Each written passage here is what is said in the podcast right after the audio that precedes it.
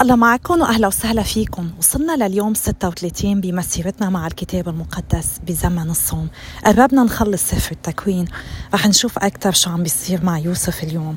ورح نبلش برسالة جديدة رسالة القديس مار بطرس. مثل ما قلت لكم قبل أنا عم بقرأ من الترجمة اليسوعية الكاثوليكية. سفر التكوين الفصل الأربعة وأربعون. كأس يوسف في كيس بنيامين. ثم أمر يوسف قيم بيته وقال له املأ أكياس القوم طعاما قدر ما يستطيعون حمله واجعل فضة كل واحد في فم كيسه واجعل كأسي كأس الفضة في فم كيس الصغير مع ثمن حبه. فصنع بحسب كلام يوسف الذي قاله له. فلما أضاء الصبح صرف القوم مع حميرهم فبعد أن خرجوا من المدينة ولم يبعدوا قال يوسف لقيم بيته قم فاسع في أثر القوم فإذا أدركتهم فقل لهم لم كفأتم الخير بالشر؟ أليست هذه هي التي يشرب بها سيدي ويتكهن بها؟ قد أسأتم فيما صنعتم. فأدركهم وقال لهم ذلك الكلام. فقالوا له لماذا يتكلم سيدي بمثل هذا الكلام؟ حاش لعبيدك أن يصنعوا مثل هذا الأمر. فإن الفضة التي وجدناها في أفواه أكياسنا رددناها إليك من أرض كنعان. فكيف نصرك من بيت سيدك فضة أو ذهبا؟ من وجدت معه الكأس من عبيدك فليمت ونحن أيضا نكون للسيد عبيدا. قال أجل وبحسب قولكم فليكن. من وجدت معه الكأس يكون لعبدا وأنتم تكونون براء. فأسرعوا وحط كل واحد كيسه على الأرض وفتح كل واحد كيسه ففتشه مبتدئا بالأكبر حتى انتهى إلى الأصغر. فوجدت الكأس في كيس بنيامين فمزقوا ثيابهم وحمل كل واحد حماره ورجعوا إلى المدينة. ودخل يهوذا وإخوته بيت يوسف وهو لم يزل هناك وارتموا أمامه إلى الأرض. فقال لهم يوسف ما هذا الصنيع الذي صنعتم؟ أما علمتم أن رجلا مثلي يتكهن فقال يهوذا ماذا نقول لسيدي؟ بماذا نتكلم وبماذا نتبرأ؟ قد كشف الله ذنب عبيدك. ها نحن عبيد لسيدي نحن ومن وجدت الكأس في يده. قال يوسف حاش لي أن أصنع هذا. بل الرجل الذي وجدت الكأس في يده هو يكون لي عبدا. وأما أنتم فاصعدوا بسلام إلى أبيكم. توسط يهوذا فتقدم إليه يهوذا وقال يا سيدي أرجو أن يقول عبدك كلمة على مسمع سيدي ولا تغضب على عبدك فإنك مثل فرعون. كان سيدي قد سأل عبيده قائلا هل لكم أب أو أخ؟ فقلنا لسيدي لنا أب شيخ وله ابن شيخوخة صغير قد مات أخوه وبقي هو وحده لأمه وأبوه يحبه. فقلت لعبيدك انزلوا به إلي لألقي نظري عليه. فقلنا لسيدي لا يقطب الفتى أن يترك أباه وإن تركه يموت أباه. فقلت لعبيدك إن لم ينزل أخوكم الصغير معكم فلا تعودون ترون وجهي. فكان لما صعدنا إلى عبدك أبي أننا أخبرناه بكلام سيدي. وقال أبونا ارجعوا فاشتروا لنا قليلا من الطعام. فقلنا لا نقدر أن ننزل. أما إن كان أخونا الصغير معنا فننزل لأننا لا نقدر أن نرى وجه الرجل ما لم يكن أخونا الصغير معنا. فقال لنا عبدك أبي أنتم تعلمون أن امرأتي ولدت لي ابنين فخرج أحدهما من عندي فقلت إنه قد افترس, وإلى الآن لم أره. فإن أخذتم هذا أيضا من أمامي فأصابه سوء. أنزلتم شيبتي بالشقاء إلى مثوى الأموات. والآن إذا عدت إلى عبدك أبي والفتى ليس معنا ونفسه متعلقة بنفسه فيكون أنه عندما يرى أن الفتى ليس معنا يموت وينزل عبيدك شيبة عبدك أبينا بحسرة إلى مثوى الأموات. لأن عبدك قد ضمن الفتى لأبي قائلا إن لم أعد به إليك أكون مذنبا إلى أبي طول الزمان. فليبقى عبدك الآن مكان الفتى عبدا لسيدي ويصعد الفتى مع إخوته. فإني كيف أصعد إلى أبي والفتى ليس معي؟ لا شهدت الشقاء الذي يحل بأبي. تكوين الفصل الخمسة وأربعون. يوسف يعرف نفسه إلى إخوته. فلم يستطع يوسف أن يملك نفسه أمام جميع القائمين عنده فصرخ. اخرجوا جميع القوم من عندي. فلم يبق عنده أحد حين عرف نفسه إلى إخوته فأطلق صوته بالبكاء فسمعته مصر وسمعه بيت فرعون. وقال يوسف لإخوته أنا يوسف ألا يزال أبي حيا؟ فلم يستطع إخوته أن يجيبوه لأنهم ابتعدوا أمامه. فقال يوسف لإخوته تقدموا إلي. فتقدموا. فقال أنا يوسف أخوكم الذي بعتموه للمصريين. والآن فلا تكتئبوا ولا تغضبوا لأنكم بعتموني هنا فإن الله قد أرسلني أمامكم لأحييكم وقد مضت سنتا مجاعة في وسط الأرض وبقيت خمس سنين دون حرث ولا حصاد فأرسلني الله قدامكم ليجعل لكم بقية في هذه الأرض وليحييكم لنجاة عظيمة فالآن لم ترسلوني أنتم إلى ها هنا بل الله أرسلني وهو قد صيرني كأب لفرعون وكسيد على بيته كله وكمتسلط على كل أرض مصر. فأسرعوا وأصعدوا إلى أبي وقولوا له كذا قال ابنك يوسف. قد جعلني الله سيدا لجميع المصريين. فانزل إلي ولا تبطئ فتقيم في أرض جسان وتكون قريبا مني أنت وبنوك وبنو بنيك وغنمك وبقرك وكل ما هو لك. وأعولك هناك إذ قد بقي خمس سنين مجاعة لئلا ينالك العوز أنت وأهلك وكل ما هو لك. وها إن عيونكم وعيني أخي بنيامين ترى أن فمي هو الذي يخاطبكم. فأخبر أبي بكل مجدي في مصر وبكل ما رأيتموه وأسرعوا فانزلوا بأبي إلى ها هنا. ثم ألقى بنفسه على عنق بنيامين أخيه فبكى وبكى بنيامين على عنقه وقبل سائر إخوته وبكى على أعناقهم وبعد ذلك تحدثوا إليه. دعوة فرعون وبلغ الخبر بيت فرعون وقيل قد جاء إخوة يوسف فحسن ذلك في عيني فرعون وعيون حاشيته فقال فرعون ليوسف كل إخوتك اصنعوا هذا حملوا دوابكم وانطلقوا واذهبوا إلى أرض كنعان وخذوا أباكم وأهلكم وتعالوا إلي فأعطيكم خير أرض مصر وتأكلوا دسم الأرض وأنت مكلف بأن تأمرهم هذا الأمر. اصنعوا هذا. خذوا لكم من أرض مصر عجلات لأطفالكم ونسائكم واحملوا أباكم وتعالوا. ولا تأسف عيونكم على أثاثكم فإن خير مصر كلها هو لكم. العودة إلى كنعان.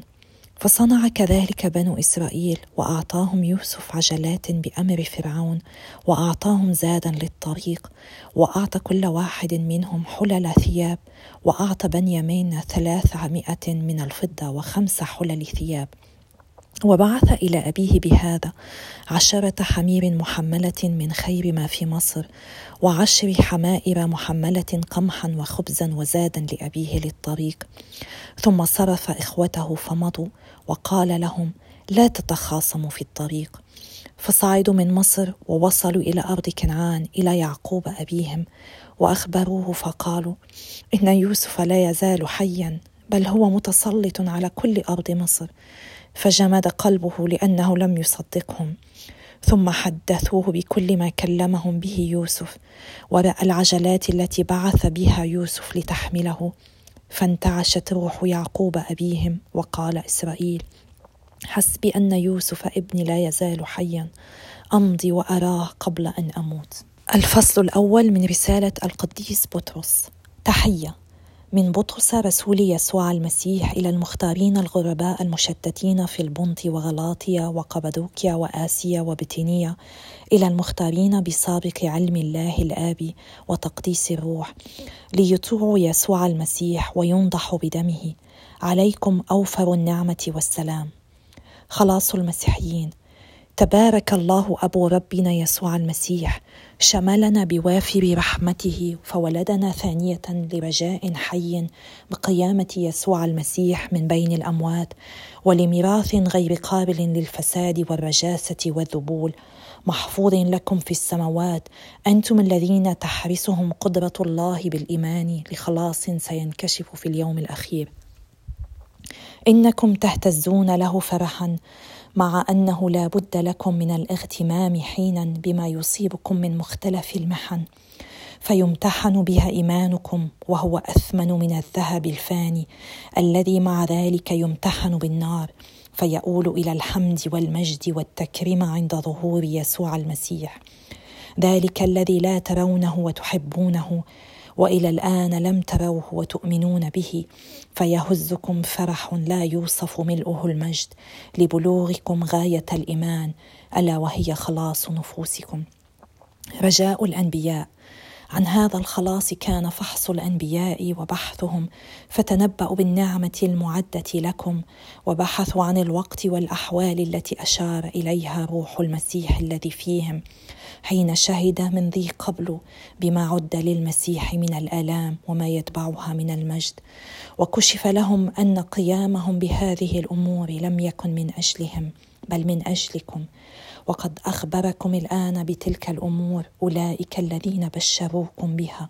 يؤيدهم الروح القدس المرسل من السماء والملائكة يشتهون أن يمعنوا النظر فيها. الحث على القداسة والسهر. فنبهوا أذهانكم وكونوا صاحين. واجعلوا كل رجائكم في النعمة التي تأتيكم يوم ظهور يسوع في المجد. وشأنكم شأن الأبناء الطائعين. فلا تتبعوا ما سلف من شهواتكم في أيام جاهليتكم. بل كما أن الله الذي دعاكم هو قدوس فكذلك كونوا أنتم قديسين في سيرتكم كلها لأنه مكتوب كونوا قديسين لأني أنا قدوس وإذا كنتم تدعون أبا لكم ذاك الذي يدين من غير محاباة كل واحد على قدر عمله. فسيروا مدة غربتكم على خوف. وقد علمتم أنكم لم تفتدوا بالفان من الفضة أو الذهب من سيرتكم الباطلة التي ورثتموها من آبائكم بل بدم كريم دم الحمل الذي لا عيب فيه ولا دنس دم المسيح. وكان قد اصطفي من قبل إنشاء العالم ثم كشف من أجلكم في آخر الأزمنة. وبفضله تؤمنون بالله الذي أقامه من بين الأموات وأولاه المجد. فيكون إيمانكم ورجاؤكم في الله. المحبة. أطعتم الحق فطهرتم نفوسكم كيما يحب بعضكم بعضا حبا اخويا بلا رياء. فليحب بعضكم بعضا حبا ثابتا بقلب طاهر. فإنكم ولدتم ولادة ثانية لا من زرع فاسد بل من زرع غير فاسد من كلمة الله الحية الباقية. لأن كل بشر كالعشب وكل مجد له كزهر العشب. العشب ييبس والزهر يسقط وأما كلمة الله فتبقى للأبد. هذه هي الكلمة التي بشرتم بها. بسم الله والابن والروح القدس الإله الواحد آمين. بنسبحك من مجدك يا رب. نشكرك على كل عطاياك الما حدود وبنطلب منك يا رب لما بتجي التجارب لما بتشتد الصعوبات. تذكرنا إنه كل شي بيوصلنا لخير للي بحبوك يا رب. علينا أن نوثق فيك ونسلمك حياتنا. آمين. بسم الآب والابن والروح القدس إله واحد. آمين.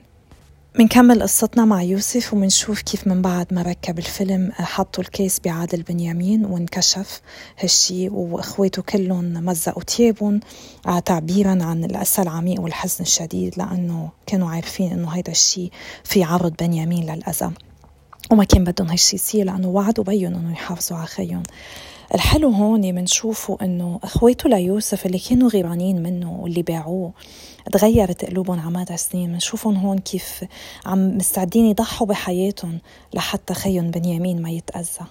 شو حلو هالشي؟ حلو نتذكر إنه كلنا عنا فرصة نتغير مع الرب. مثل ما بيقولوا كل قديس عنده ماضي وكل خاطي عنده مستقبل. إذا مشينا مع الرب هو بيغير قلوبنا هو بيخلينا نصير مثله نشبهه أكتر كل يوم شوي أكتر. بس علينا نتكل عليه ونوثق فيه. بنشوف هون اليوم كيف يهوذا عم بيتشفع لبنيامين. يهوذا ما غيره اللي من كم فصل ما جوز كنته لابنه وراح نام معه هو يعتبرها بغية. وليما بدل ما يلوم نفسه هو لأنه هو اللي غلط. يعني بنشوف رغم خطيته الجنسية بنشوفه اليوم كيف عم بيبين هيك هالخي المدافع والمحامي عن خيه الصغير؟ مش حلو نضل نتذكر إنه كل إنسان رب بحطه بدربنا مهما كان عم بيغلط مهما كانت أخطاءه كبيرة منه أبعد من رحمة ربنا. ربنا قادر يلمس قلبه ونعمة ربنا قادر تغيره. من هيك لازم نصلي لهيك أشخاص. نصلي لذاتنا الرب يغيرنا. الرب يعطينا نعرف ذاتنا أكثر مع خطايانا ونتوب عنا لحتى هيك نخلق خليقة جديدة معه هو. هو عنده الكتير يعطينا بس علينا نحن نقرب منه ونخليه يغيرنا. ما ننسى إنه دعوتنا نصير قديسين وإذا مشينا هالدرب لازم نخليه هو يغيرنا. التغيير صعب بيوجع بس بدون هالتغيير ما فينا ننتقل من خطأ لقديسين. يمكن البعض منا يأسان من هالزعماء السياسيين وما شايف أمل إلهم بالتغيير. السؤال اللي لازم نسأل نفسنا كلنا قديش عم نصلي لهم؟ قديش عم نصوم عن نيتهم ونقدم تضحيات عن نيتهم لحتى ربنا يلمس قلبهم ويغيرهم. ربنا قادر يلمس قلب أقسى إنسان وقادر يغيره. خلونا نصلي ونطلب من الرب النعمة ما نخاف من التغيير ونخلي هالتغيير يبلش فينا نحن بكل واحد فينا. بالنهاية إذا بدنا العالم يتغير هالتغيير لازم يبلش بكل واحد فينا. موقف يهوذا هون موقف كتير نبيل وكتير شهم. هو ضمن لبيه يعقوب سلامة بنيامين واجته الفرصة ليحافظ على هالوعد. أكيد فكرة إنه هو يصير عبد محله كانت صعبة كتير بس كان مصمم إنه يحفظ كلمته لبيه وأظهر شجاعة عظيمة بتنفيذ وعده. لما بدنا نحمل مسؤولية يعني لازم نقوم بكل عزم وشجاعة باللي لازم نعمله وما نتردد بسبب التضحية الشخصية. يوسف عمل كل اللي عمله لأن كان بده يعرف إذا مواقف إخواته تغيرت للأفضل. عم يمتحن طريقة معاملتهم بعضهم لبعض لأنه بده يشوف إذا عن جد تغيروا. منشوف كيف يهوذا اللي بادر بخطة بيع يوسف اليوم هو عم بيبادر إنه يتحمل عقاب بنيامين لحتى بنيامين يرجع سالم لعند بيه وهيدا العمل الشجاع أقنع يوسف إنه إخواته تغيروا للأفضل بطريقة واضحة. وهيدا الشي خلاه إنه يكشف عن نفسه إلهم. الحلو إنه هو عم بيكشف عن نفسه إلهم مش عم بيعاتبهم وعم بيلومهم و... ويقول لهم بده يحاسبهم على اللي عملوه. لا بالعكس. كان عم بيفرجيهم إنه الله سمح بهالشي إنه خطة الله تحققت من خلال أعمالهم الشريرة. لأنه هو بعت يوسف قدامهم ليحافظ على حياتهم ويخلص مصر من المجاعة. الله عنده مطلق السيادة والسلطة وأعمال البشر ما بتأيد خططه. لما الغير بيقصد شر لحياتنا لازم نتذكر إنه هني منن إلا أدوات بإيد الله. ومثل ما قال يوسف لأخواته أنتم نويتم لي شرا ولكن الله قصد بالشر خيرا. البعض يمكن بيتساءل هون إنه ليش الله بيسمح بالشر؟ تعليم الكنيسة بيقلنا إنه في نوعين شر في الشر الطبيعي اللي هو الطبيعة وكل شيء بيصير فيها وفي الشر الأدبي اللي هو بيجي من الإنسان. تعليم الكنيسة رقم 311 بيقلنا الله ليس البتة علة الشر الأدبي لا مباشرة ولا بوجه غير مباشر ولكنه يسمح به مراعيا حرية خليقته ويعرف بطريقة سرية كيف يستخرج منه الخير. يعني ربنا بيسمح الشر يصير مش هو اللي عم بيسببه. نحن بضعفنا بحريتنا عم نسبب هالشي بس ربنا ما بيسمح بشر إنه يصير إذا ما في يجيب منه خير أكبر. واللي عم نقراه اليوم بقصة يوسف هو الدليل على هالشي. تعليم الكنيسة 312 بيقلنا كمان ومن أعظم شر أدبي اقترف على الدهر أي نبذ ابن الله وقتله بسبب خطيئة جميع البشر. استخرج الله في فيض نعمته أعظم الخيور تمجيد المسيح وفداءنا. يعني ربنا ما بيسمح بشر يصير إذا ما في طلع منه أعظم خير. هيدي لازم نحطها براسنا على طول ونوثق فيه هو ونوثق بمشروعه وقلنا وبالرسالة لأهل روما مار بولس بيقلنا بالفصل 8 الآية 28 كل شيء يسعى لخير الذين يحبون الله. كل شيء مش كم شغلة كل شيء بيسعى لخير اللي بحبوا الله. من هيك ما لازم نيأس ولا نستسلم ولا نفزع بالعكس لازم نشوف كل شيء بيقول لخطة ربنا كل شيء بيوصلنا لهوني حتى الوجع حتى الألم الصليب كله له هدف منه. ما في شيء بيروح دعان مع الرب لمن منسلمه للرب. يمكن اليوم نحن وحاملين هالصليب مش قادرين نشوف شو الخير اللي حيجي منه. بس إذا نطرنا برجا رح نكون أكيدين إنه رح نشوف إيد ربنا المحبة كيف هي عم بتسيطر على الوضع. إيده يمكن ما تبين علينا بس هو عم بيشتغل بكل شيء لخيرنا. إذا حاسين حالكم مارقين بظرف صعب يمكن ألم أو فقدان محبين آه شو ما كان هالظرف شو ما كان هالصليب. اطلبوا النعمة إنكم تقدروا تنطروا برجا وتجددوا ثقتكم إنه الرب حدكم إنه الرب معكم وإنه الرب حيجيب خير أعظم منا. يا ما فيني أطلع هلأ بمواقف صارت معي بصلبان بحياتي قطعت من عشرين وخمسة عشر سنة وثلاثين سنة. وبقول اليوم كتر خيرك يا رب لأنه لولا هالصلبان أنا مني الشخص اللي أنا اليوم. وأنا أكيد إذا كل واحد فينا عمل هالشي بنقدر نشوف قديش ربنا اشتغل وبعده عم بيشتغل بحياتنا. قديش إيده المحبة كانت عم تشتغل لحتى توصل لخيرنا ولخلاصنا. علينا بس نوثق نعيش برجا نسلمه حياتنا وننطر وقته هو. قديش مهم لما منشوف غيرنا عم يمرق بصعوبات عم بيتألم موجوع إن نشجعه ونذكره بهالشي. هيدا بالذات اللي عمله مار بطرس بهالرسالة اللي كتبها. كان هدفه إنه يشجع المسيحيين اللي عم يضطهدوا. كتبها للمسيحيين من أصل يهودي اللي انكحشوا من أورشليم وتشتتوا بآسيا الصغرى. والآية الرئيسية بهالرسالة منشوفها بأول فصل قريناه اليوم الآية السابعة. إلا أن غاية هذه التجارب هي اختبار حقيقة إيمانكم. كتب لكن هالرسالة مار بطرس اللي بنعرفه تلميذ من تلاميذ يسوع واللي هو هامة الرسل هو أول بابا الرب رسمه كتب ليشجع المؤمنين ويقويهم هني وعم بيواجهوا هالتجارب والاضطهاد كانوا المسيحية عم بيضطهدوا بوقتها من ثلاث مصادر من الرومان من اليهود وكمان أيام من عيا المسيحية بذاتها. الرومان لأنه كان الوضع القانوني للمسيحيين بالإمبراطورية الرومانية هيك مبهم غير واضح.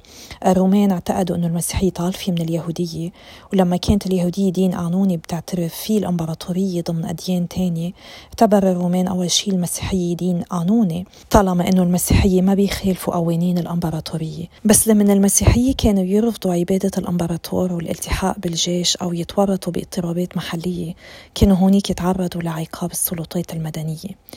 اليهود كانوا رافضين المسيحية كانوا عم بيأذون جسديا ويطردون خارج المدينة ويعملوا مشاكل ويحاولوا إنهم كمان يشجعوا المسؤولين والحكام الرومان يصيروا ضدهم. مثل ما بتتذكروا بفصل أعمال الرسل بنقرا أنه شاول اللي هو أعظم رسول بولس كان من أوائل اليهود اللي اضطهدوا المسيحية. كمان العائلات المسيحية بنفسها كانت عم بتكون مصدر لاضطهاد المسيحية لأنه راس البيت حسب القانون الروماني كان عنده سلطة مطلقة على كل أفراد العائلة. وإذا راس البيت ما صار مسيحي كل اللي بيآمن من أفراد البيت من زوجي أبناء عبيد خدم كان بيلاقي أشد الأذى. كانوا بينطردوا من البيت ما بعيدوا يلاقوا محل يقويهم غير الكنيسة وأيام بينضربوا وما بيلاقوا محكمة أو قانون يدافع عنهم. ويمكن من هيك رسالة مار بطرس انكتبت خصيصا لهالمسيحيين الجدد واللي كانوا ناويين إنهم يتعمدوا لأنهم كانوا بحاجة لتحذيرهم من اللي ناطرهم. كانوا بحاجة لهالكلمات التشجيع من القديس بطرس لحتى يساعدهم على مواجهة آلامهم. وهيدي الرسالة بعدها بتقدم مساعدة كتير للمسيحيين اللي عم بفوتوا بالإيمان حديثا ولكل مسيحي عم بيواجه تجربة. لأنه كتير المسيحيين عايشين بظل ظروف أكثر قمع واضطهاد من الإمبراطورية الرومانية اليوم بالقرن الأول الميلادي. وعم بيتعرض المسيحي بكل مكان لسوء الفهم وللسخرية كمان للمضايقات من عائلته أو من أصدقائه أو من غير المؤمنين أو من رؤسائه. وما في حدا منا مستثنى من كارثة أو ألم أو مرض أو موت. كل هالتجارب بتخلينا نتمسك بنعمة الله ورحمته بشدة. وموضوع هالرسالة بالنسبة للمؤمنين اليوم وللي كتب لهم اياه مربطرس أصلا هو الرجاء. بنقرأ بالآية الثانية هون إنه مربطرس عم بيشجع المؤمنين بإعلانه القوي إنه الله الآب هو اللي نقاهم وإنه هني أبنائه. يمكن بوقت من الأوقات ما كانوا إلا شعب بني إسرائيل اللي بيدعوا إنه هني شعب الله المختار. بس مع المسيح كل المؤمنين صاروا بينتميوا لله. والتجارب والاضطهادات ما فيها تسلبنا الحياة الأبدية اللي الله بيوهبها للي بيآمنوا فيه. كلمات مار بطرس بتزرع فرح ورجا بقلوبنا بوقت التعب وبيأسس مار بطرس ثقته على اللي عمله الله كرمالنا بالمسيح يسوع. ونحن دعوتنا أن نعيش برجا الحياة الأبدية وهيدا الرجا ببلش اليوم منه بس بالمستقبل لأنه هلأ إيماننا بالله وانضمامنا لعائلته هو اللي ببلش يعطينا هالثقة يعطينا هالفرح أنه في شيء أعظم وأحلى ناطرنا. والله هو اللي بيعيننا لنضل أمنا لإيماننا مهما اشتدت الصعاب. لنوصل لليوم الأخير اللي ذكره هون اللي هو يوم الدينونة. مهما مرقنا بتجارب واضطهادات وعنف وموت مهم نفهم إنه نفوسنا ما بيصيبها شيء ما بيصيبها أذى إذا قبلنا عطية خلاص المسيح. ورح ننال إكليل المجد الأبدي مع الرب إذا ثبتنا. مربطوس كمان بيدعينا إنه نعيش حياة مقدسة نطيع الله. نسلك سلوك مقدس نعيش محبة أخوية لا رياء فيها. ونتذكر إنه نحن انفدينا بدم ثمين كتير اللي هو دم الحمل دم المسيح.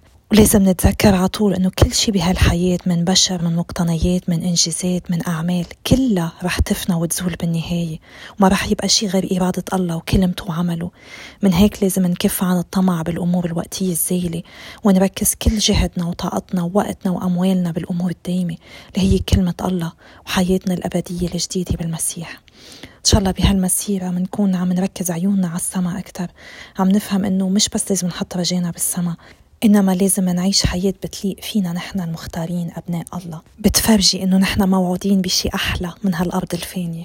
بتشكر إصغائكم وصلواتكم ومتابعاتكم والله يباركنا جميعا ويقدسنا.